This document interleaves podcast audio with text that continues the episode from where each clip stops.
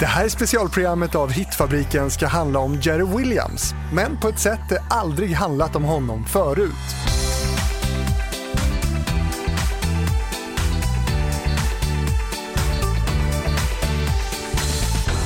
I den här serien program hör du anhöriga till kända musiker välja ut deras favoritlåtar med sin förälder eller någon annan nära person i deras liv. I det här avsnittet då ska du för första gången få höra Jerry Williams dotter Jannica Fernström och bandkollegan Wojtek Goral berätta om de låtar som de har starkast relation till från Jerrys enormt stora produktion. Välkomna hit! Tack så mycket. Tackar. Kul att ni är här och ni har gjort ett digert jobb. Ni har valt ut era favoritlåtar. Hur gick ni tillväga? Oj, det var jättesvårt att välja. Vi valde nog kanske, jag tror vi hade 20 låtar eh, när vi började och sen så fick vi faktiskt eh, steka dem en efter en för att skala ner till ett visst antal. Han har gjort så sjukt mycket musik eh, och man har så många minnen till så många låtar. Det är svårt att få med alla. Ja, men det är som Jannica säger, det är inte lätt att välja. Eh, ja, 20 låtar, man tar bort ganska många och till slut så hittar vi några guldkorn som vi tycker har lite stories runt. Ja, är intressanta på olika sätt. Var det svårt? Jag tycker det är mycket svårt för jag tycker det är så många som jag tycker är bra. Och eh, som Jerry gjorde så bra.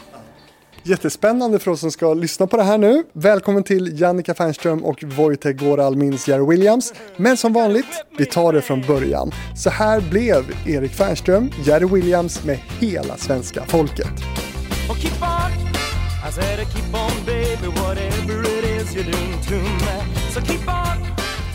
Sven-Erik Fernström föds 1942 i Solna och växer upp med en familj som delade på ett rum och kök. I sina unga år jobbade han som rörmokare, men han hade också ett musikintresse och slår igenom med bandet The Violence i början av 60-talet.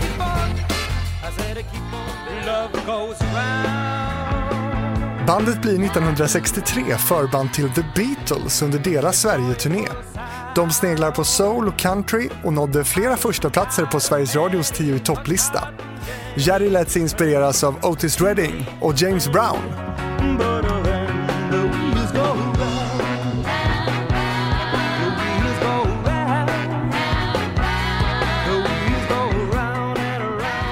I början av 70-talet blir musiken mer inriktad på rock'n'roll. Jerry turnerar med The Tellstars och på 80-talet medverkar han i filmen G som en gemenskap och musikalen Cats. Och det kommer att bli fler insatser på vita duken. 1988 släpper han låten Did I Tell You och når med den ut till en ny generation.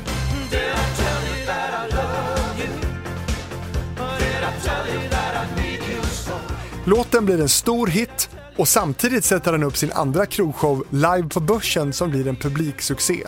Den spelas över 160 gånger och Jerka fortsatte med framgångsrika krogshower genom hela sin karriär.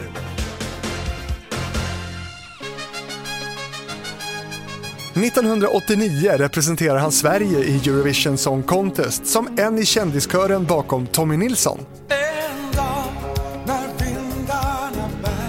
Ja, lite som tack för att Tommy körat för dem genom åren. Låten blir fyra i tävlingen. Jerry fortsätter sin karriär som liveartist och ses återkommande på scener över hela landet och i olika tv-program. In July of 62 The moment we met han prisas också för sina insatser på scenen och för skivframgångarna. 1985 så får han LOs kulturstipendium 1989 vinner han en Grammis i kategorin Årets LP. 2010 får han Årets hederspris på samma gala. 2002 får han Tigertassen. 2003 Guldmasken. 2004 Lisebergsapplåden. 2013 Edvardspriset. Men störst av allt, han blir frimärke 1991.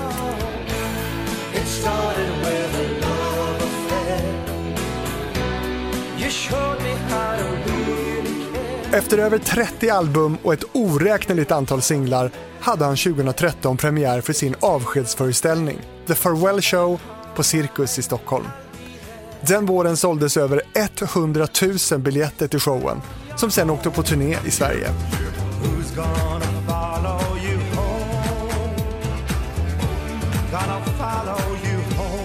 avskedsföreställningen blev inte hans sista. Det kommer att bli många spelningar och konserter efter det. Man måste få lira, som han själv uttryckte det. Stora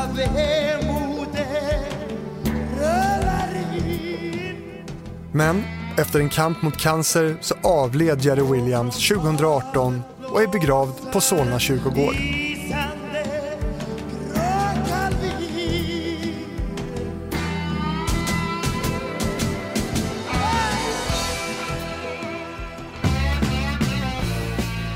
Jerry var gift med världsmästartyngdlyfterskan britten och han fick tre barn. Johnny född 1963, Jannica född 1980 och Bianca född 85. Jerry Williams han hade hög integritet och var fåordig i media om sitt privatliv. Nästan ingen känner till något om hans familj och ingen har tidigare deltagit i intervjuer. Kanske är det därför det har tagit år för mig att få till det här programmet. Och när vi nu gör inspelningen har Jannica ställt upp på premissen att hon bara pratar om pappas musik och hans liv som musiker, inte som pappa. Det blir nu första gången någonsin en intervju med någon i Jerrys familj. Hans dotter Jannica Fernström har tagit med sig Jerrys bandkollega saxofonisten Wojtek Goral till programmet och de har tillsammans valt ut de låtar från Jerry Williams stora musikskatt som de har närmast relation till och som gjorde honom till en av Sveriges mest älskade rockikoner.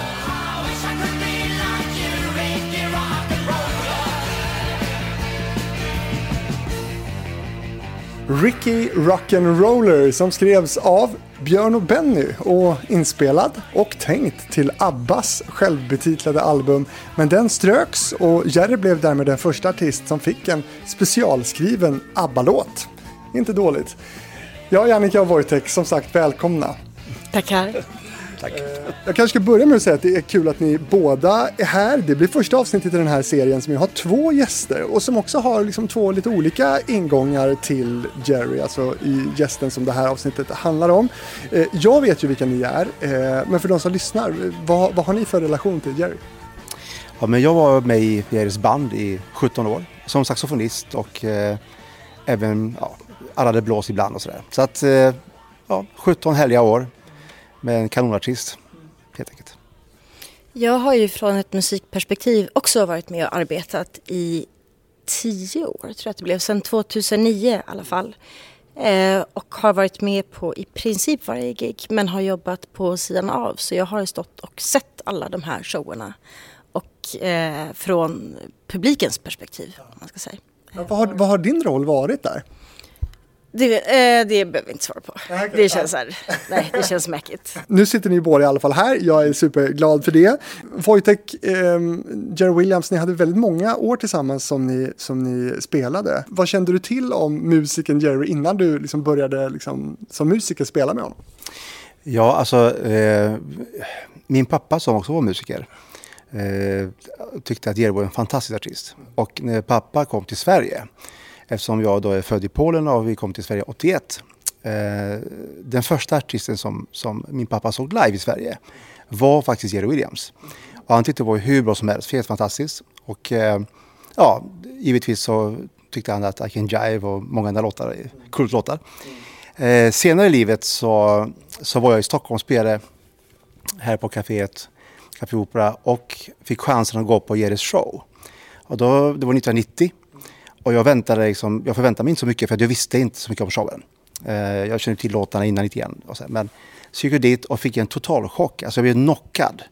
Det var en show när det liksom öppnades med total överraskning, en scen som hissades ner. Hur ska man förklara det egentligen, enklast? Och den fälldes ju ner till och med. Bandet var fastskruvade. Ja.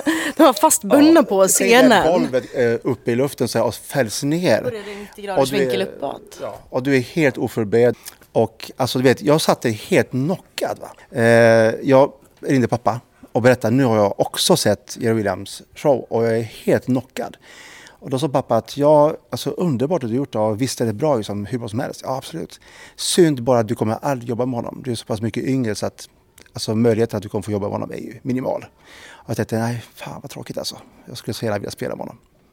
Så det är mitt första möte med och så fick jag träffa bandet, jag kände några stycken i bandet. Och så, så det var min första möte med den musiken på det sättet liksom, i en sån fantastisk show. Ja, nu blir man jättenyfiken, hur, hur fick du spela sen då? Det, det måste ju varit en, en, stor grej för dig då? Eh, ja, men det var en jättestor grej för mig. Och, nej, men det var när vi träffades första gången, ja. 2001. Ja. Eh, lite tidigare 2001 så hittade jag här, jag kollade faktiskt i mina anteckningar, att jag eh, var med i ett program som heter Idrottsgalan. Och där fick jag spela ett kort solo med honom. Och eh, pappa kollade på tv och nu fick jag igen då en pappa som nästan grät telefonen. Eh, men sen blev det en turné. Och då fick jag frågan om att följa med på turné. Och jag fattade ingenting. Bara, är det sant? Och ja, jag fick det. Och ni två, ni, ni hittade varandra också för ni är liksom kompisar? Vi hittade varandra mm. ganska snabbt eh, och jag var ju inte alls eh, inne på musik då. Jag var inte alls musiker och, men var med ibland och, tittade lite på show och så. Men faktum är att jag spelar ju idag själv musik. Eh, men jag såg Wojtek på scenen en gång, jag hade stått och jobbat innan. Och sa, fan det där ser ball ut. Jag vill också kunna spela saxofon. Eh, så jag bestämde mig för att jag ska spela saxofon. Eh, och eh, Jerry hade en liten sopransax hemma. Han kunde spela, inte jättemycket, men han spelade lite grann. Så jag plockade upp den här och så gick jag till Wojtek och sa att ja, nu vill jag också spela sax. Och Wojtek sa japp, eh, det kan någon annan hjälpa dig med. Och så gick han därifrån. Nej, gjorde jag? okay. eh, sen fortsatte jag tuta och har fått så mycket hjälp av Wojtek så att nu ja, nu spelar vi faktiskt lite grann tillsammans. Jag får väldigt mycket hjälp fortfarande. Ja, men vi, vi träffas ju ofta och både spelar tillsammans och du vet eftersom eh, Jannica ja, umgås och sen, ja, jag tycker det är fantastiskt du både sjunger, spelar saxofon och musik har blivit en stor del av ditt liv liksom. På det sättet. När du utbildar dig verkligen nu ja. Jag gör faktiskt det. Du har saxen med dig. Jajamän, jag kom precis från rep. um, ja, det är nog rock'n'roll då? Faktum är att jag gillar faktiskt att spela rock'n'roll. Jag tycker att det är det roligaste. Det kan ligga någonting undermedvetet, att det har präntats in i, i huvudet sedan man var barn. Mm. Eh, men det, ja, det är vad jag föredrar. Jag tänkte att vi skulle börja lyssna på, på låtarna som ni har valt nu. Vi ska börja med en låt som kom så tidigt som 1963 och är filmmusik. I'm feeling blue cause she's not here to greet me when I've returned for good to settle down. I can't believe the ugly news that meet me. Rumors that I hear all over town. Ja, det här är faktiskt filmmusik från en, en film som heter Åsa-Nisse och Tjocka släkten. Ja, såklart. Ihop med hans band då, The, The Violence. Eh, och varför har ni valt den här? Det här är faktiskt den enda låten som Jerry har skrivit själv. Han skrev inga egna låtar. Han, men han har skrivit en låt och det är Feeling Blue. Den kom på hans första platta, jag tror den hette Jerry 21. Släpptes på hans födelsedag 1963. Eh, så jag tyckte att den, den förtjänade faktiskt att vara med. Är han underskattad skulle ni säga som, som låtskrivare? Det kanske inte är så många som vet att han skrev musik också?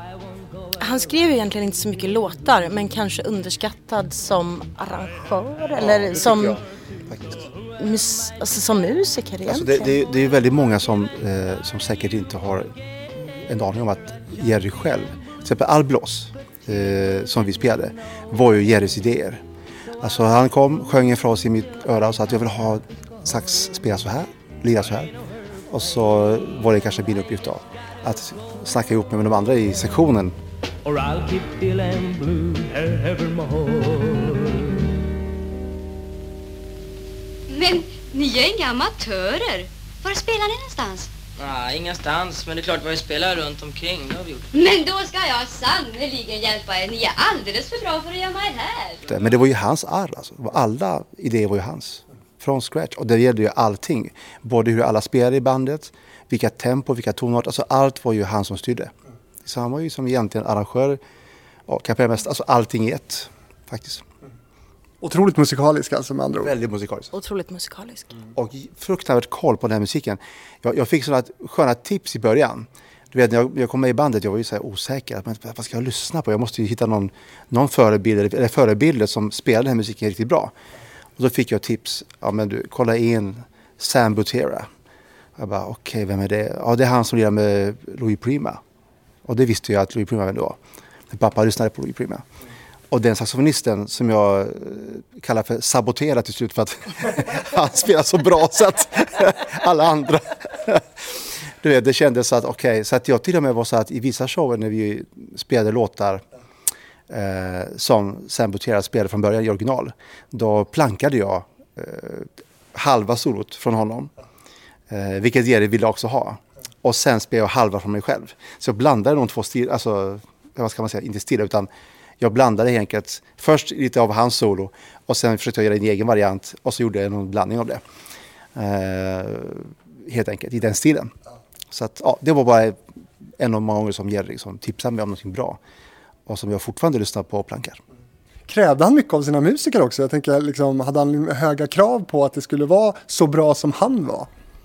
Ja, det får vi väl säga. Det måste man säga. Det måste vi ändå säga. Det, det var 100 procent som gällde. Liksom, och eh, det måste jag säga, jag har under alla de här 17 åren eh, som jag fick liksom, lira med, med Jerry aldrig sett ett enda tillfälle när inte han var 100 procent. Och då menar jag 100, alltså man går in och man gör en show. Och det, du vet, eh, det måste ändå vara ganska ovanligt. Och vi gjorde väldigt mycket konserter, mycket shower. Men det var 100 procent. Inga kompromisser. Den här första låten vi hörde nu, Feeling Blue, den spelade ju han med sitt eh, band. Skulle ni säga att han är egentligen mer av en soloartist än en i bandet? Han var väldigt trygg i dem han ville ha. Han visste vad han ville ha. Kan man säga så? Ja, men alltså det, det var viktigt att, att, att, få med sig dem. Det som är ett fotbollslag. Man får med sig de som kan leverera det, det som han förväntade sig och det han ville ha musikaliskt. Eh, och det var så han valde ut sina, och då menar jag på alla fronter. Alltså, det bandet, det är de som jobbar runt, det är de som regisserar, de som eh, tar hand om turnén det var väl utvalda. Ja, det var sällan att han hoppade på gig eh, med att han bara gjorde engångsgig med något annat band. Utan skulle det vara det, ja, men då skulle han ha sitt band.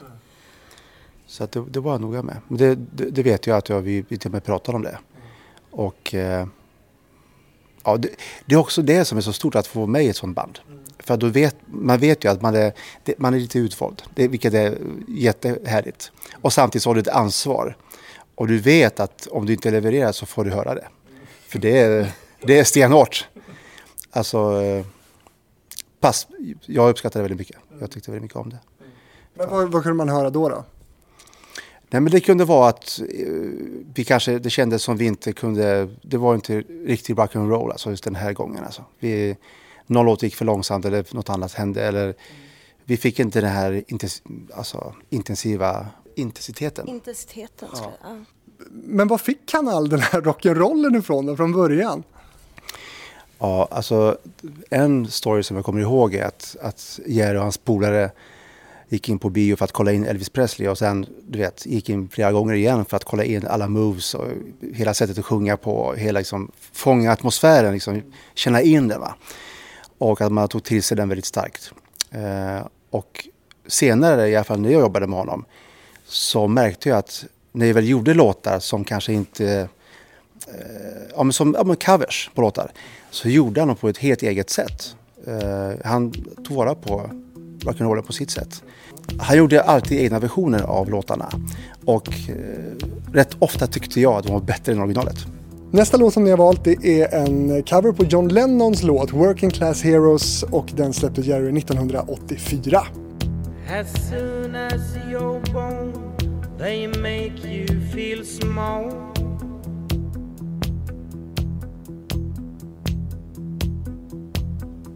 By giving you no time instead of it all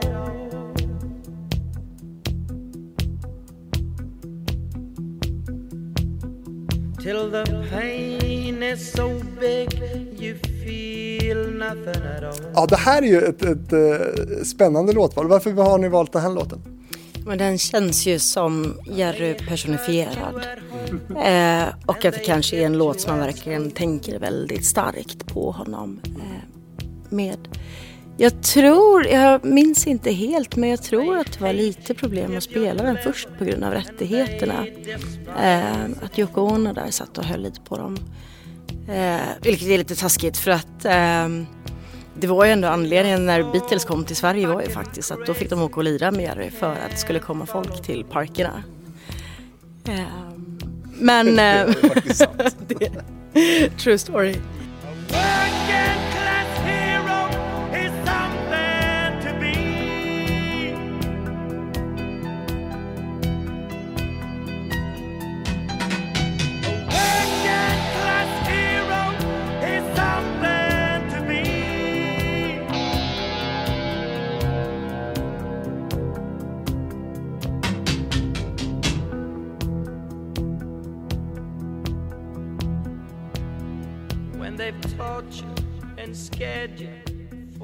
Och där jag växte upp, där var det ju mycket politiksnack. Och de flesta snackade väl i en riktning. Hur då? jo, alltså de var ju röda. Ja. Jo, därför att alltså alltid om du snackar, speciellt om du snackar med borgarbracker och hamnar in i politiksnack och du snackar vänster, då ska de förr eller senare försöka göra en till någon försvarsadvokat åt Stalin. Och det gäller inte bara mig, det gäller alla som snackar lite vänster.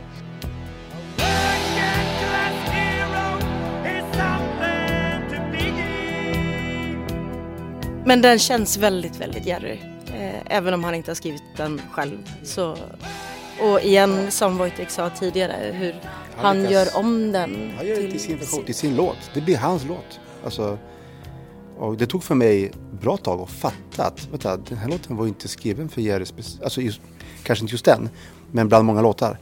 Att nej, nej, det är inte skrivet speciellt för Jerry utan han har tagit den och gjort om den till på sitt sätt. Liksom. Vad betyder den här låten för honom tror ni? Jag tror att han gillade att lira den.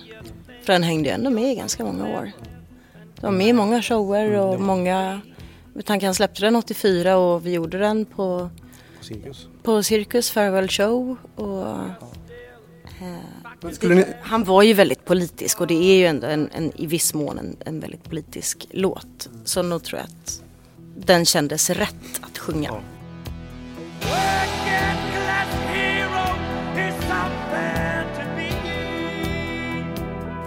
Var han en working class hero skulle ni säga? Ja, han var rörmokare från början. Mm. Han växte upp i en liten etta eh, med tre andra. Ja, det är klart han var. Och kämpade och jobbade livet igenom. Jobbade stenhårt alltså. Ni var inne på det här med Beatles. Som sagt, han var ju eh, förband till Beatles och drog mycket publik då naturligtvis. Eh, det här var ju någonting som han pratade om i intervjuer mycket och sådär som jag har läst också. Att han, han var ju stolt över detta. Ett minne som han själv har berättat om som jag läste om som var lite små roligt. Det var ju att han blev tagen på pungen av John Lennon. Har ni läst det? Nej. jag, har, eh, jag har läst det men inte hört det. Det var under en fotografering tillsammans eh, så började plötsligt John Lennon då röra honom under midjan eller på klockspelet då som, som Jerry själv sa. Klart man reagerade tyckte han då eh, och sa åt honom, ge fan i det där. Ja. Han sa det klockrent vad han sa på engelska minns han inte men typ jag ska knacka in pannbenet på dig. ja det låter ju mycket som Jerry. Ja, man, när man pratar om Beatles och Jerry Williams då tänker man, då förstår man verkligen hur, hur länge han ja, höll på. Verkligen det här med, med, att, att han var då en working class hero och, och, var så pass illröd som han var, det var ju någonting som han också pratade väldigt mycket om och sådär. Var det liksom viktigt för honom tror ni, liksom att framhålla eh, det här politiska? Som du sa, han var ju väldigt politisk. Ja, det är klart det var viktigt. Eller han var ju väldigt klar i, i vad han stod för eh, och gav aldrig vika en millimeter för det eh, framgångar till trots så skulle han liksom inte vända kappan utan det här var det han stod för och det var Eh, så det är väl klart att det var viktigt. Alltså alla är ju olika. Det, du och jag är olika, alla här inne är olika. Men alla måste ha samma chans från början. Och det tror jag, det har man, det, då måste det vara ett socialistiskt samhälle för att man ska kunna ge alla samma chans. Alla ska ha samma chans. Och det är ända från början, alltså när de börjar på dagis och skolan. Man ska inte ha skolor som är bättre än andra skolor utan alla skolor ska vara kanon.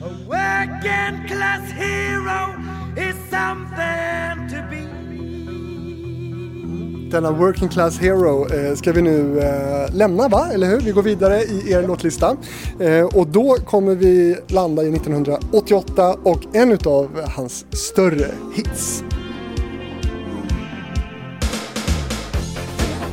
Och den här låten är skriven av eh, Gavin Poey och eh, Audrey Mayers. Eh, legenden säger att han hade hört den i England 1987 och att den var aktuell redan till plattan innan den släpptes på.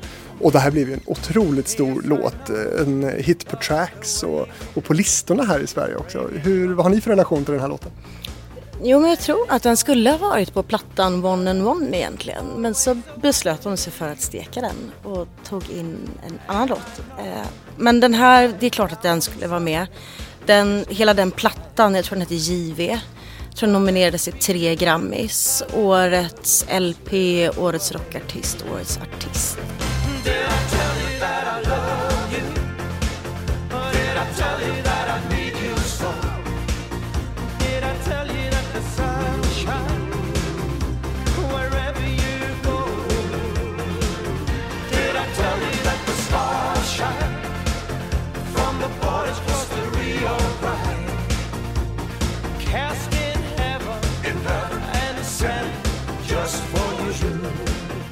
Eh, och den här låten blev nästan, det har varit lite halvtyst ett par år om honom då.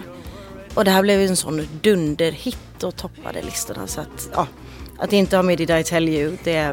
Ja, och det kunde man ju också märka på när man, när man giggade ute alltså. När den kom alltså. vet, man såg ju på alla, alla hela publiken vet, hoppade upp och diggade. Alltså, det var ju väldigt populär också att spela där. Vad, vad är det i låten som gör att den, att den funkar så bra med honom tror ni? Som, som i allt som funkar så bra med är det att han är totalt övertygande och i sitt sätt att framföra Det, det är ju det. Men sen är det också att ja, men det är på något sätt rätt. Det är rätt text, det är rätt låt, det är rätt version, rätt framfört av honom. Och, för det märkte man ju som sagt, man stoppar sig och ser hur folk bara lyser upp. Och lika mycket på samma sätt som de kanske lyser upp på men Who's gonna follow you home eller det finns fel låtar. Men just den, den här var en av dem som, som kunde starta ett party alltså. ja, men för dig också Jannica, du som hade lite publikens perspektiv. Alltså, vad, vad, vad är det som gör tror du att den här låten funkar så, så bra på, på Jerrys publik? Nej, men jag tror Dels så blev den ju så jäkla stor när den kom, där 88-89. Eh, och den är, ja men den sätter sig alltså om du frågar tio personer ute på stan så kommer nio kunna tralla den här. För den, som många hits, har en förmåga att bara sätta sig i huvudet.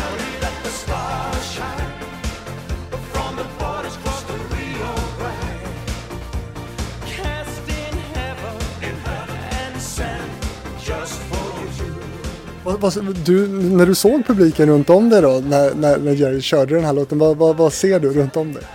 Ja, men det fanns ju några sådana låtar som alltid var, liksom de måste vara med. Who's gonna follow you home, Did I tell you, båda från samma platta. Um... Är det här till och med hans signaturlåt skulle ni säga, eller kommer den senare? Som sagt, det var svårt att välja låtar, men måste vi välja en får jag nog säga att den kommer senare. Ja, det, jag det, det får jag håller helt med. Ja. Min sektionsledare Jannica. Den här låten gör ju också då när man hamnar på listor och han blir väldigt eh, stor och omskriven och sådär. Men vad hade han för relation till press och sådär? För han var inte så förtjust i, i journalister, har jag en känsla av.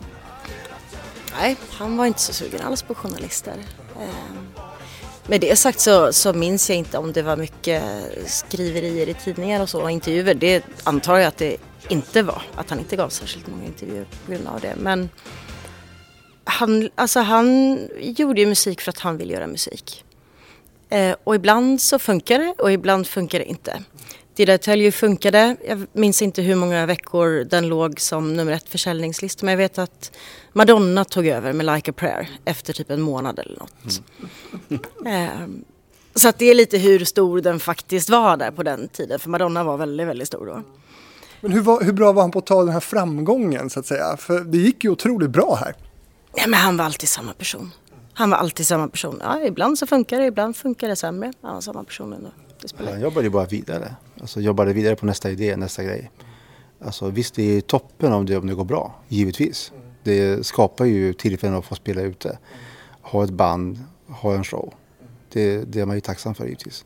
Alltid som artist. Men, men han jobbade vidare. Vad är nästa grej? Ja men det är det här.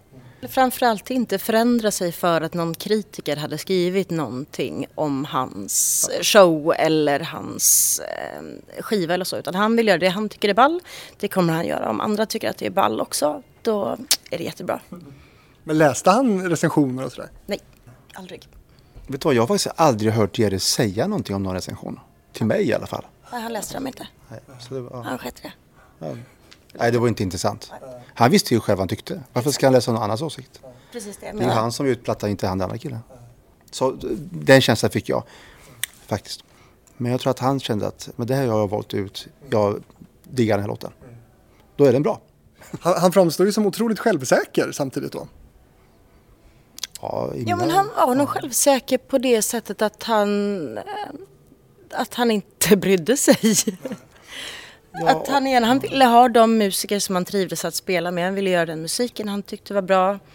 Och sen är det klart att hade det gått jätte... Nu så är det ju svårt att avgöra för att det gick ju så bra.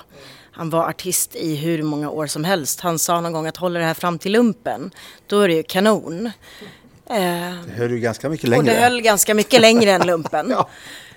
Eh, Så att det är väl svårt att säga om det inte hade gått bra. Nu gick det ju bra hela vägen och han kunde göra sin grej. Och var jätteglad med det. Och fick det- spela med de musikerna han Ja. hade. Han var ju otroligt alltså, generös på scen. Det måste man säga. Lirar man under bra solo och Jerry står framför och lyssnar. Då fick man, man, fick, man kände det.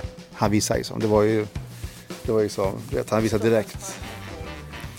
Eh, och när man fick den, då var man ju överlycklig själv också. För då kände man, ah shit, nu, nu gick det bra.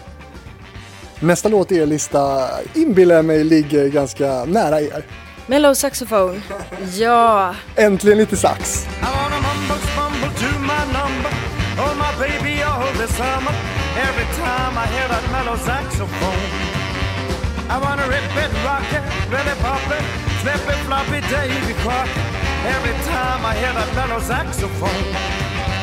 I wanna rock, rock, rock. I wanna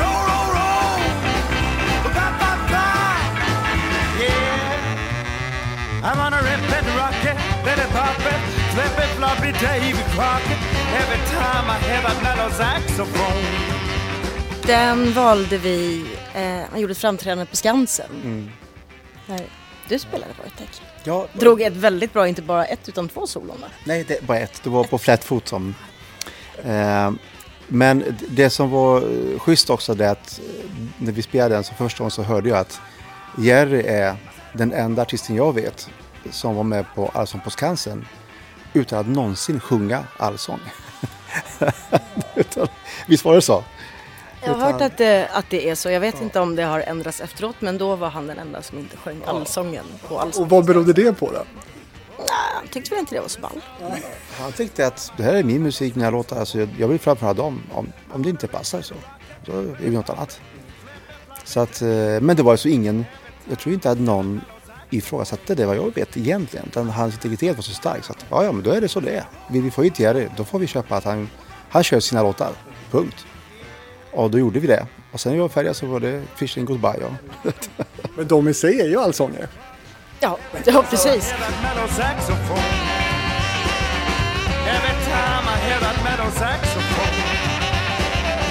Every time I hear that saxophone.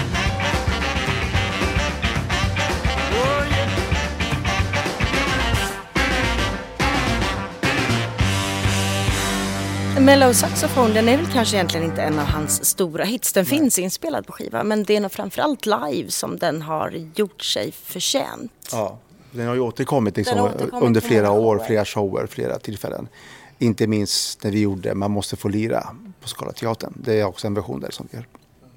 Det startade hela showen med trumsolo och som så småningom gick in i The Mellow Saxophone. Startlåt på en konsert, det är viktigt. Det är stort. Mycket viktigt.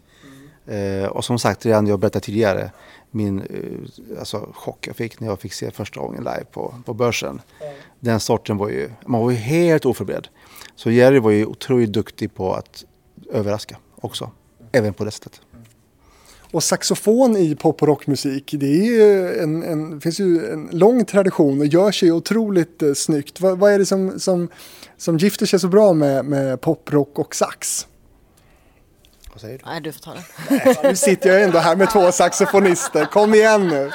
Ja men Jannica, du, du är så... Du är så insatt i ämnet.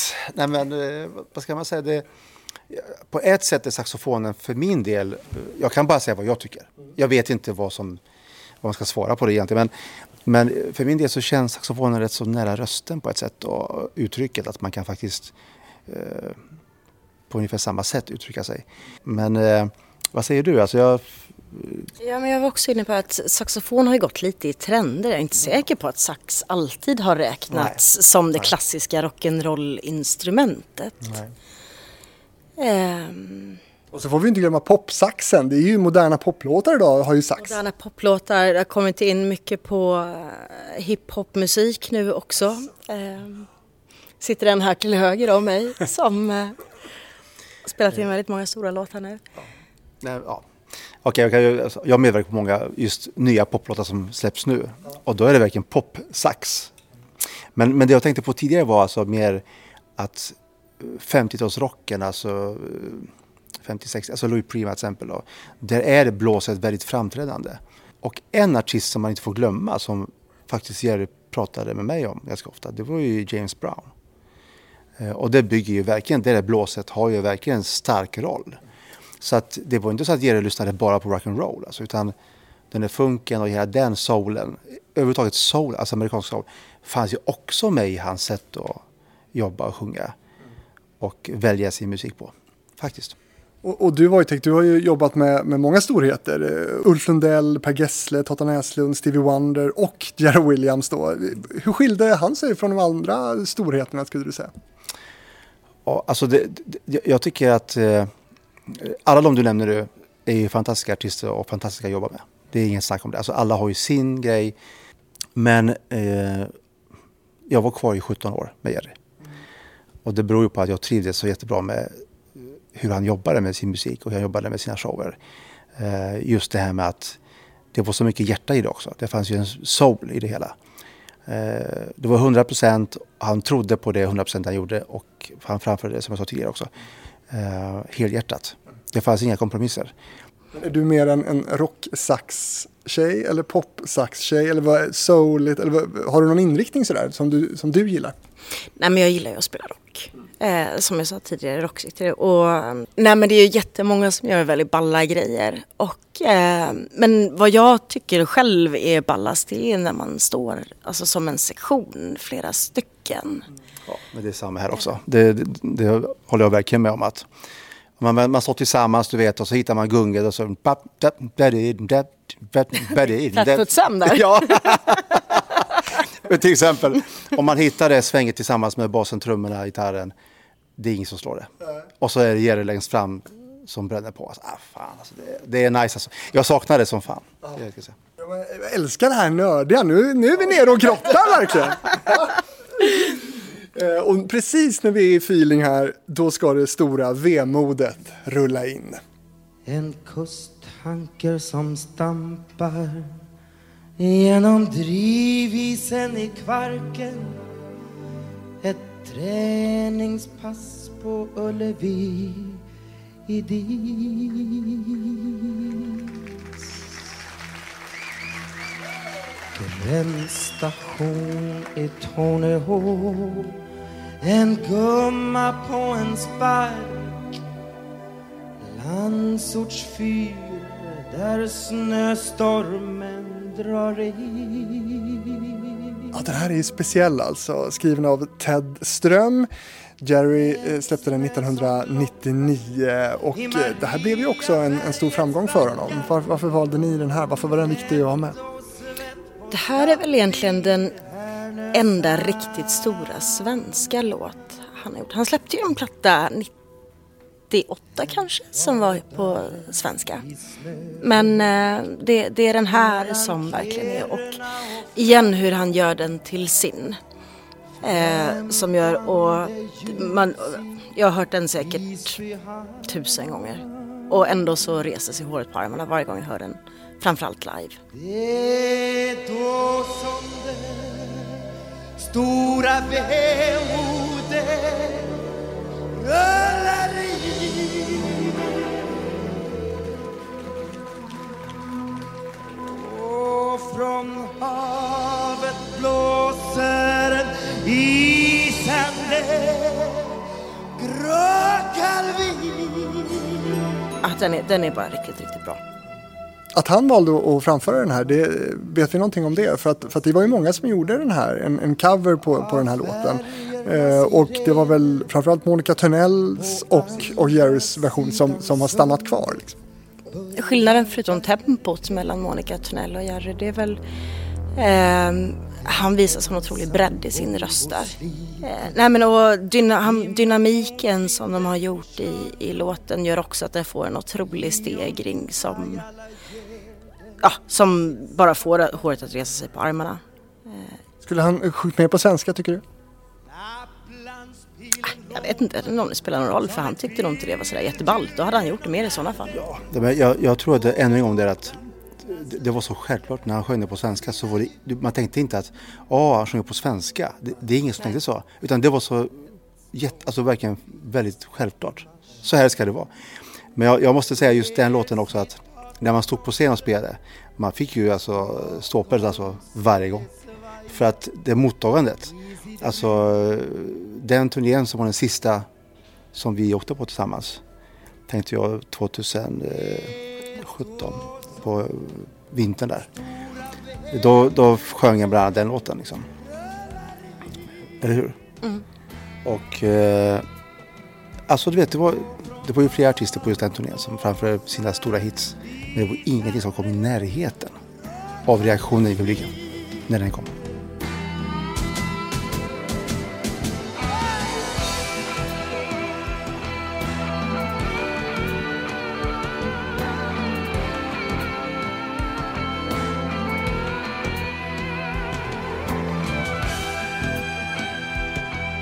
Jo men alltså lite är det ju. Alltså, om du får vara med i ett bra band.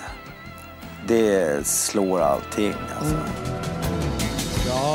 Fik i Docksta i motorvägens skugga En överdos på Skärholmens station Alltså jag har hört den här både eh, som liveversion och, och på skiva och det är liksom nästan som två olika uttryck. Men jäklar vad han är en liveartist känns det som. Han är ju så otroligt stark på, på scenen. Ja, eh, och rösten höll alltid. Timingen var alltid där. Eh, Gjorde han några röstövningar eller sådär? Jobbar han någonting med rösten? nej, han körde en harkling. Han brukade, sa han, och så gick han upp. Ja, uppvärmd. Uppvärmd. uppvärmd. Det kändes som han hade liksom stålstämband liksom, som var gjorda av stål alltså. Allt detta turnerande måste ju slita otroligt på rösten. Ja, men sen, sen ska man inte glömma bort att Jerry tränade väldigt mycket. Var alltså, ofta ute med sin med hunden. Eh, alltså han, eh, han tog hand om sig. Ordentligt. Och- släppte ju också en träningsbok så sent som 2012. Ja, den har jag framme hemma hos mig. Eh, faktiskt, eh, min fru blev glad att hon tog fram den. Nu väntar hon på resultat. Och den heter ju då att det är aldrig för sent att, att träna. Och en vältränad man. Ja, men han, han tränade hårt. Han tränade varje dag. Eh, både sprang och tränade på gym. Och han, han sa att dels man måste ha flåset för att kunna leverera så på scenen. Eh, så han tyckte att det ingick i jobbet.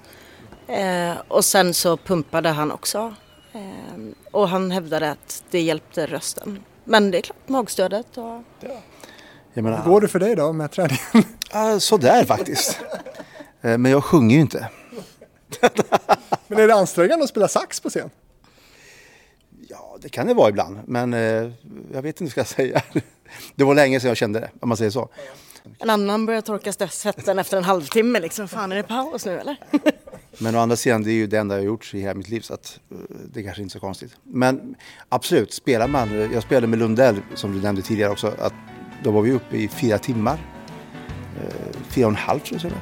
Och det är klart att, att då ladda för de timmarna och eh, sen vara lika fokuserad och, uh, och hålla ambisen och det. Ja, men det gick bra ändå. Så att, ja. Nästa låt är en låt som Jerry framförde på Polarpriset 2014 bland annat då upphovsmannen stod som pristagare. It was a teenage wedding and the old folks wished them well see er that the ad ain't truly not the mademoiselle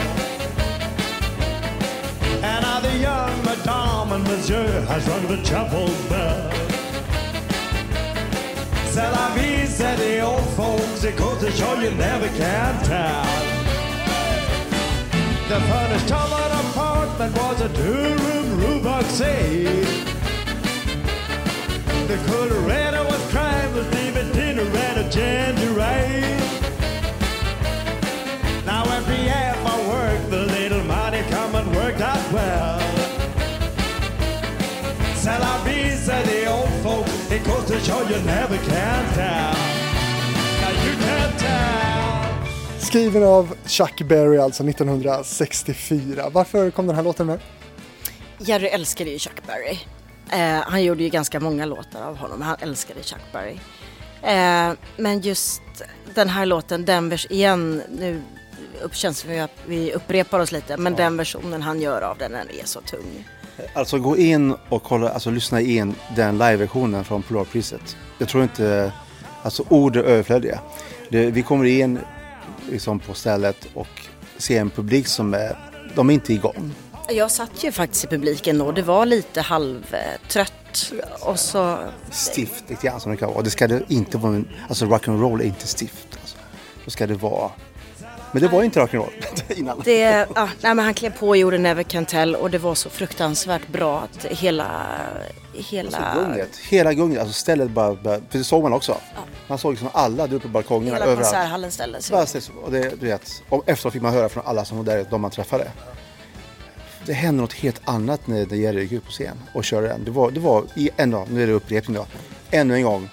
Han gjorde det som att han var både, det var hans låt också, helt enkelt. Men du, när du satt där då, hur stolt var du? Ja, nej, men jag kunde ju spricka. Eh, både som sektionsledare. Sektionsledare som har ändå sin, sin första saxofonist på scen. Nej, men det var, det var helt otroligt. Det var ju så stolt man, eh, så att man kunde spricka liksom. Det, hela, hela, som jag sa, hela konserthallen ställde sig upp eh, och jublet det nådde liksom inga höjder. Det var helt nej, det otroligt. Ballt. Väldigt ballt. En av de tillfällena man bara själv tycker att shit, tänk om man får vara med om det här liksom. Och vi hade inte varit där om inte Jerry hade gjort det på sitt sätt. Vad, vad sa han själv efteråt? Nej, inte så mycket. Nej, inte vad jag kommer ihåg så direkt. Bra. Ja, ja, ja. ja, ja ballt. Ja, det var ballt. Så, så gick han vidare. Ja.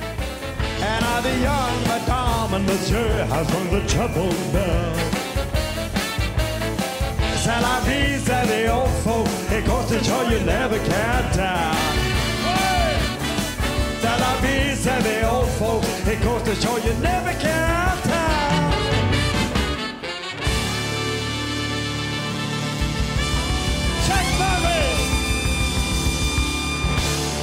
Jag, jag får uppfattningen här att han var lite obrydd om, om, om, om allt. Framgång och liksom stående ovationer och så. Ja, alltså. Han var inte obrydd om hur vi, han brydde sig om hur vi lirade vilka låtar som gjordes, hade gjordes bra om sitt framträdande. Men det var nog det viktigaste. Han kände väl att om jag diggar det här, då kommer jag ändå nå ut till ganska många. Jag, alltså de kommer digga det här om vi gör ett bra jobb. Så att jag, i min värld så var det inte att han gick in och oh, titta vad många som applåderade eller skrek, utan han gick in och sa det var bra idag, det var, liksom, det var ballt. That's it. Men det betydde väldigt mycket. När han sa att det var ballt, det betydde att det var fruktansvärt bra när en annan artist kom in och skulle säga samma sak, då skulle de säkert prata i tio minuter om hur bra det var. Han sa det var ballt. Han var liksom kanske inte den stora ordens man. Så. Nej men hade man eh, varit med honom så mycket så kunde man ju tid, som var ett säger, tyda så här mellan raderna. Ja ah, men det här var jävligt ballt, det var skitballt faktiskt. Då visste man så okej okay, det där var hur bra som helst. Om, om, man skulle aldrig, alltså jag skulle aldrig i min vildaste fantasi fiska efter något mer. Förstår du vad jag menar? Utan han sa ballt, bra. Det, det räcker så. Då har man lärt sig, efter några år så förstod man. Du nämnde tidigare här om att, att du saknar den här tiden. Så att säga. Nu är det tre år sedan som, som Jerry gick bort. Vad, vad är det du saknar rent musikaliskt? Vad, vad är det där som, som du känner fattas dig? Eh, eftersom han, ja, jag måste ju faktiskt säga det, att eftersom han är, han är en förebild för mig. Så. Eh, att stå på scen med någon som, med den kraften han hade och övertygelsen, eh, samtidigt också omtänksamheten också. Enormt liksom. Och att vara med i gänget, vara med i de här ett par musiker som har blivit valda att få vara med. Ehm, jag kan sakna den känslan av samhörighet med en artist på scen. Eller med ett band. Det, så det, du vet, jag har kompat många genom åren. Varit med, i, ja, varit med i många band och gjort oändliga andra konserter. Men att bli liksom inkluderad på det sättet som Jerry inkluderade i alla fall mig. Och jag är säkert de andra också givetvis, eh, som har kommit tillbaka år efter år. Det, det känner man inte i vanliga fall. Man, man, var en del av hans maskineri, man var en del av tåget. Jag vet, inte, jag vet inte om ni förstår vad jag menar. Jo, men det låter, han var ju också ganska noggrann med att säga så, men det är inte min gitarrist. Eh, det var någon som sa, men du din gitarrist är här bakom. Men du det är inte min gitarrist. Man kan inte äga en gitarrist. Man kan inte äga en gitarrist. Utan det är vi i bandet, det är vi bandet. Det är vi, som spelar tillsammans. Och, eh, och det ja. var en väldigt genomsyrad ja. känsla generellt. Alltså när vi åkte runt på turnéer och, och som du säger hela maskineriet. Att ja, men alla var med och gjorde det här lika bra. Och han brydde sig liksom om alla. Och då menar jag, det, det, var bandet, det var alla som jobbade, som jag sa runt hela produktionen. Jossan, hela gänget, alla som var, Jossan var ansvarig för oss som turnéledare. Har du också någon sån musikalisk saknad som, som du känner liksom, när, du, när du tänker på Jerry? Det är väl klart att man har en musikalisk saknad och eh, man kan inte låta bli att tänka, men vad skulle vi ha gjort nu? För som sagt, även om han sa att han skulle lägga ner där så, så var han ju lite sugen och så kom det, man måste få lira och sen eh, pratades ju om att det skulle fortsätta att spelas lite till. Och det är klart att man funderar, nu är det ju corona så nu hade vi förmodligen inte spelat så mycket ändå. Men att man tänkte under lång tid, så, men undrar var vi hade varit nu någonstans. Hade vi varit i New York eller hade vi varit på någon landsväg i Västra Näskulle? Mm. Eh, vi har, alltså han har ju åkt överallt. Som sagt. Vi fick åka till New York 2014. 2014 var vi i New York och giggade. Eh, och som sagt året efter, ja då var vi på en liten byhåla som hade tusen personer i sin mm, Allt som alltså bodde, allt som alltså det bodde, bodde tusen pers i det. Det bodde tusen pers i byn. eh, det var någon liten ideell förening. Eh, jag tänkte det kan vara ball att lira där. Jag tror det kom 1500 på gigget. Och tusen där, alltså 500 från grannkommunen. Ja, det, det är sådana saker som man inte kan förklara riktigt. Men hur det gick till. Alla de här sakerna som vi har varit med om, alla de här ställena vi har besökt och allt som har hänt på scenen och runt om, det tar man ju liksom med sig. Det är klart att man är velat fortsätta med det här. Ja, man saknar det absolut. Det är klart man saknar det. Tänk hur ofta vi åkte från Kiruna och ner genom hela Sverige och besökte ställen som du kanske i vanliga fall aldrig eh, hade rest till i vanliga fall. Ja, vad hette byn? Ja. Alltså, jag tror att den hette, hette Västra Näshulta. Men de råkade trycka fel på mörströjorna så det stod Västra Näskulle. De var mycket upprörda. det är faktiskt ja, Bor det tusen personer kanske inte är så många som... Ja, ja. Jag tror det är Västra Näshulta. Jag tänkte också fråga, när ni är ute på turné, jag har förstått att han är en renlevnadsman, tränar mycket och sådär. Var det ingen liksom sex, drugs and rock'n'roll i Jerry Williams? Han tog alltid bilen hem. Ja, det är så. Han körde hela natten och så tog han bilen hem. Han ville komma hem. Han gjorde till och med ibland när det var vissa spelningar som det kunde vara väldigt mycket folk och det kunde vara svårt att komma ut. Eh, han hittade på ett ord som heter Vi kör en Östervåla. Östervåla ja. Eh, taget från ja. orten Östervåla. Där det alltid var knökfullt med folk och det gick liksom inte att komma ut med turnébussen efter gig. Då kunde han säga, ja men vi kör en Östervåla. Och det betydde att eh, bandet står och kompar vidare. Han tackar och bugar och säger hej. Sen går han och sätter sig i bilen och drar därifrån medan bandet spelar. Så vi spelar sista outrot på I can jive, refrängen. Då satt han redan i bilen på ja. väg hem. För att, ja, men man visste ju det, alltså åker inte han iväg nu, du vet innan folk börjar liksom dra därifrån, inte en chans att han kommer ut. Skulle de se att det var Jerry som kommer, då skulle det ja, tvärstopp.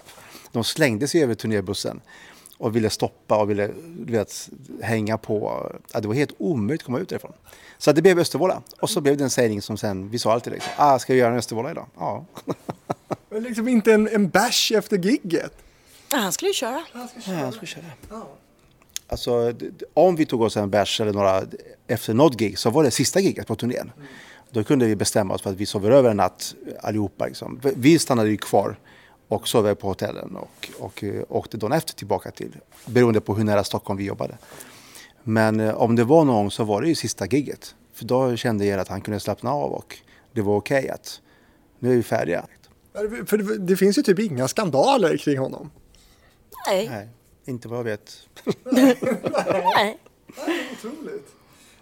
Jag blir också nyfiken på det här med turnerande artister. Då, då brukar man ju ha en rider. Vad stod på Jerrys rider? Vet du det? Det, det brukar vara lite olika med när det kommer till mat och sånt där. Men eh, vi vill ju ha, alltså bandet vill ju alltid ha en liten öl efteråt och några glas vin och sådär. Så det finns ju alltid med. Mm. Däremot kan det vara lite olika om vi käkar på stället eller om vi drar vidare någonstans. Eller om det är festival så är det en sak, är det turné så Alltså det är lite olika. Men absolut, det, finns, det fanns bärs att dricka eh, för oss som var kvar. Absolut. För de som inte gjorde en Östervåla. För de som inte gjorde en Östervåla. Yes. Hörni, låt nummer sju heter Cancel the Wedding. Well, I know I'm a fool to be crying over you. But baby, I heard the news today. Den här låten släpptes 2011 på plattan All Right. Varför den här låten? Jo, men jag tycker den är... eh, Det var jag som valde ut den faktiskt.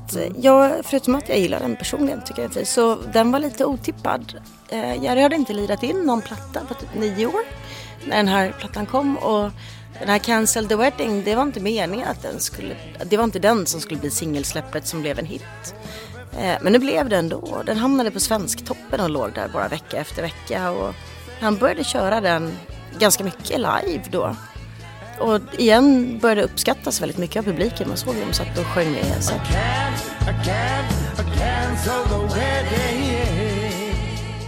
Den eh, blev en otippad hit. Mm. Vad var det som gjorde den till en hit, tror du? Eh, jag tror inte att det var texten kanske. Han har li- dåligt med erfarenhet där, får man säga. Ja, nej det tror jag inte han hade någon, någon erfarenhet på den. Men igen, han sjunger den ju väldigt bra. Men det är få låtar han inte sjöng särskilt bra. Men det, det är ju ganska intressant det här du säger, för att då hade han inte gett ut någon platta under ganska många år ju. Ehm, men under sin levnadstid så gav han ju ut otroligt mycket liksom, musik. Hade han någon tanke kring det här med, med just släppen? Jag tror att han var ganska upptagen med, han gjorde ganska mycket krogshower. Jag tror kanske att det kan ha varit Sweet 60 som var senaste plattan innan och det måste ha varit 2002. Eh, och då gjorde han väl, han gjorde Jerka bland annat, en teater. Eh, han gjorde en show som heter Ringside. Och han var ute och gjorde dem, då gjorde han väldigt mycket krogshower så jag tror inte riktigt det fanns att det fann, eller om det helt enkelt var så att han inte hade hittat någon låt han gillade. Det kan jag faktiskt inte svara för. Men det var väldigt mycket krogshower under den tiden. vet jag.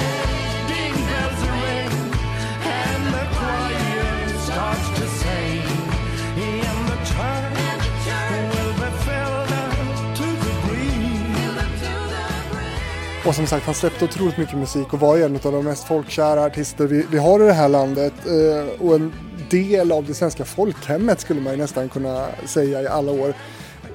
Han kändes ju otroligt då, som vi varit inne på, hövlig och, och, och genuin och, och, och så. Eh, hade han, liksom, han hade verkligen noll högfärdighet, divighet. Det, det fanns inte i honom det där, va? den här working class hero. Det fanns faktiskt inte. Eh, Det fanns faktiskt ingenstans. Men fanns det någonting som han kunde bli förbannad på? Eller liksom, eller liksom tända på alla cylindrar på? Liksom? Ja, det skulle väl vara kanske om, alltså, om någon hade om någon hade särbehandlat bandet på något vis eller liksom att det blev, eh, då tyckte han att det var fel style. Den, igen, alla skulle, alla, de var ett. Det skulle inte vara han som artist och sen så bandet, de kan vara där bak. Eller ja, de behöver inte sin rider. Det så länge Jerry. Så det, det gick fetbart. Rättvis. Ja. Verkligen. Ställde upp rättvist. och Man kunde liksom också... Man kunde faktiskt höra av sig till er också och prata om man hade något bekymmer som man ville snacka om. Oavsett vad det var. Du kunde vara förtrolig med honom. Eh, det måste jag säga. Faktiskt. Och det var inte jätteofta som jag frågade om råd som, men vid ett specifikt tillfälle så kände jag att jag behövde prata med honom. Och då ställde han upp direkt. Liksom, så att, Nästa låt heter It Keeps Raining och den här versionen har ni en eh, väldigt speciell anledning till varför ni har valt. It keeps raining and raining. Tears from my eyes. Since you're gone. Den här låten spelar faktiskt båda vi två tillsammans. Eh, Så den är lite personlig för oss. Och jag tror att den här plattan släpptes för förra året. Postumt då kan man säga. Ja. Eh, vi la på blåset i efterhand. Eh, och det är väl egentligen som en, en demolåt från början. på en av turnéerna så bestämde Jerry att vi kan gå in och lira in lite demos. Eh, de låtarna som vi uppskattade mest och så här. Och då gjorde vi det. Alltså vi åkte till Svante Perssons studio och spelade in.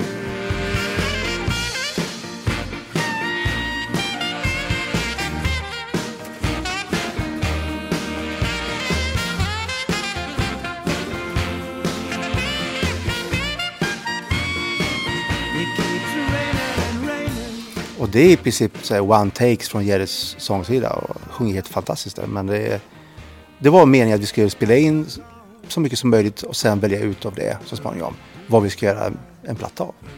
Den här låten släpptes ju första gången 1987 eh, och ni har gjort en ny inspelning på den. Varför ville ni göra om den här? Alltså, faktum är att den här låten var ju den som eh, släpptes på den här plattan 87 till förmån istället för Did I Tell You. Eh, som lite kuriosa. Eh, jag vet, han, lir, han ville lira in den här för några år sedan och sen så blev det inte så mycket mer med det. De spelade in där i Svante Perssons studio. Och eh, den låg kvar nu i efterhand och då valde vi att göra någonting av den. Att ni ville lägga på eh, era saxar på den här låten då så här i efterhand. Hur kom det sig? Eh, det kan jag svara på faktiskt. För att den versionen som vi gjorde live då eh, innehöll saxar och ett saxsolo. Det var bara att jag var inte i studion eh, just den dagen när de testade sig fram på, på just den låten. Så då hade kompet spelat in det och sen eh, som sagt la jag och Jannica in vårt blås efteråt.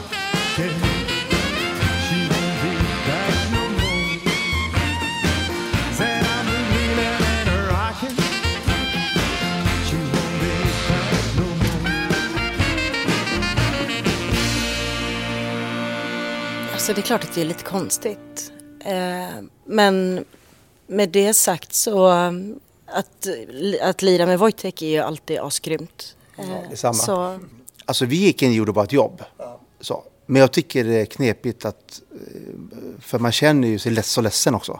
Och eh, det här var ju ganska nära inpå eh, Jerrys bortgång. Och det känns, eh, det finns dagar när det känns fortfarande helt obegripligt. Eh, alltså han var ju inte där för att säga till oss att gjorde- det var balt eller inte balt. Det var ju det som var det viktigaste med Maria Malm. Att det var att han hade sin idé som han genomförde. Nu var han inte kvar. Jag tycker det var känslomässigt, för mig i alla fall. Något som, som kännetecknade artisten Jerry Williams i intervjuer, det var ju också hans liksom, eh, tugg, hans stockholmska helt enkelt. Eh, Var kom det därifrån, den här, det här otroligt eh, grova Stockholmstugget? ja men alla säger, alla säger så, ja nej men han kommer ju från söder och, men han är född i Solna. Eh, Så att det är väl egentligen, tror bara att det där språket från början hängde med, de pratade slang eh, som, från så tidigt liksom, så här 40-50-tal. Eh, och sen kom han ju, alltså han hade ju en grej med sitt språk, han kom ju på egna ord, ja men som vi sa, Östervåla. Ja, vi kör en Östervåla idag då. Eh, Terra en grej. vi tar och tarrar en grej. Liksom. Och det, Eh, testa. testar. Och Det, det kan jag berätta, att första gången jag repade med Jerry så visste jag inte vad det betydde. så jag stod som ett frågetecken.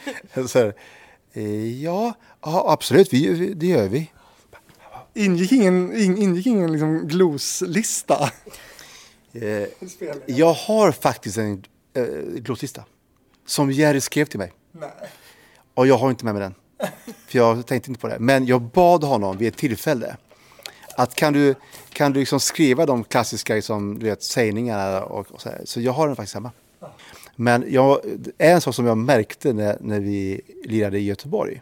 Eftersom jag då har varit i Göteborg tidigare med ja, Stockholmsbaserade eh, artister eh, som kan motas på olika sätt i Göteborg eh, när de börjar snacka vet, 08-snack och stockholmska och sådär. Alla älskade hans snack. och alltid samma kommentar. Hans tugg gick hem överallt. Oavsett om det var Stockholm, Göteborg, Kiruna, you name it. Det, det gick hem. För att det var så alltså, skönt, roligt, eh, hjärtligt på något sätt också. Det fanns ju inget kaxigt i det. De gjorde något tv-program någon gång när han satt och pratade någon lång intervju. Då satte de på eh, text, alltså översättningstext för alla orden han hade. Men, men känner du igen det? Snackar du också sådär? Mm, inte lika mycket såklart. Eh, men jag har nog svårare att urskilja vad som är normalt språk av det där som man använder och vad han faktiskt hittade på själv. För det känns så normalt att höra de här växte upp orden. med det, så att, det, att efter några år så fattade jag faktiskt det mesta. Nästa låt är också den sista och kanske då den som blev hans signaturlåt. Nearly 20 years ago,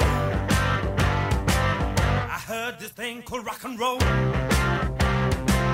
It hit me right between the eyes. It left me almost paralyzed.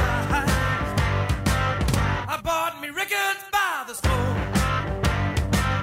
And even then I wanted more. I taught myself to reel and jive. I sure did get it organized.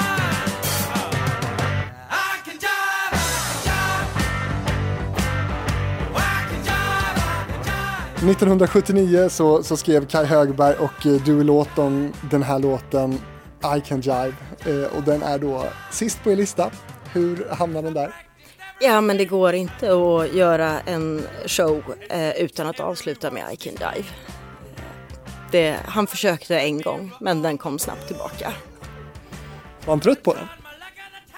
Det tror jag inte. Men då kan han vara väl kanske det då. Det här är ganska många år sedan. Ja, men, eh, alltså, jag tror inte han var trött på den. Däremot så repade vi inte så mycket. Alltså, vi, det var ju, vi behövde inte repa jive direkt faktiskt. Utan det var mer så att testa. Det, det, det, bra, tack. Eh, nästa låt. Vi repar vidare. Så att han var, för att han gav ju 100% även där, alltid. Alltså har du vet, det fanns ju inget, det var inte att han var trött på, av den här igen. Nej, inte vad jag märkte någonsin.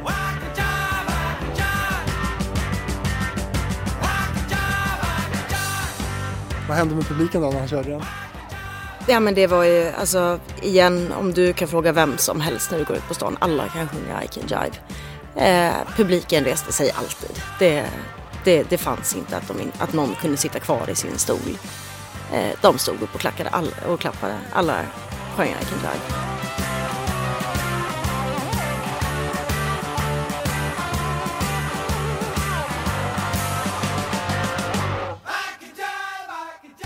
Rock'n'roll ofta, alltså, må, åtminstone om man tar den, alltså mycket av det som vi gör, om man tar första, det, det är ord som ligger rätt i käften. Det är det.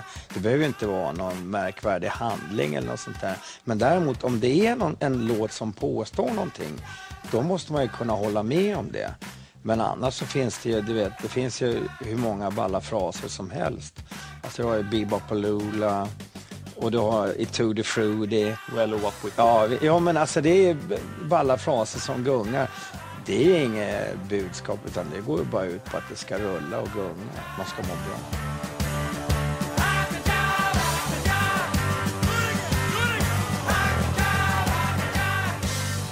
Vad tycker du om den? Nej, jag tycker den. Den är catchy.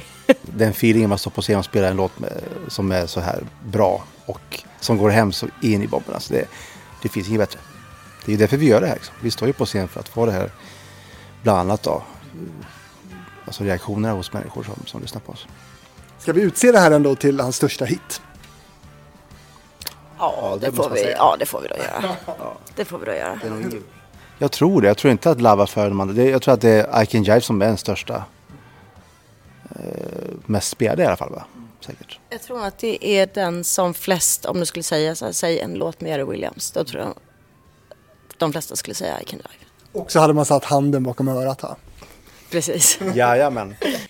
Det här var er lista med de låtar som ligger er närmast eh, Jerry Williams. Nu när ni har satt ihop den här listan så förstår jag att ni har lyssnat en del på, på Jerrys musik. Men, men annars då? Eh, Lyssnar ni på Jerry Williams? Jag får säga att det går i cykler. Eh, ibland så vill jag bara koppla bort det och ibland så ja, men sätter man på och jag har fortfarande en CD-spelare i min bil, lite old fashion sådär. Eh, så ibland så drar jag av en, en CD-skiva och då oftast eh, live-skivor eh, för jag tycker de är bäst. Eh, till exempel skivan Dynamite och så kan den vara i och spela ett tag. Och så kommer man ihåg de här låtarna och, så blir man förvånad över hur bra det faktiskt var för man har glömt bort hur fruktansvärt bra det var. Eh, och sen kan det gå en period igen när det är lite tystare. Man kanske kollar någon YouTube-klipp, man söker någonting särskilt eller så. Någonting man vill komma ihåg. Alltså just eh, showen Dynamite är min favoritshow. Så att eh, den har jag lyssnat på eh, ganska många gånger. Ganska ofta när jag framförallt jobbar med rockmusik så, så det är lite som att lyssna på sina förebilder och det kan det faktiskt vara Jerry med, med oss. Men Jerry, han sa att köra motorcykel, det är något eh, som han menar att fler borde testa på. Annars så går man miste om någonting här i livet. Jag tyckte det var fint att avsluta med. Har ni anammat det?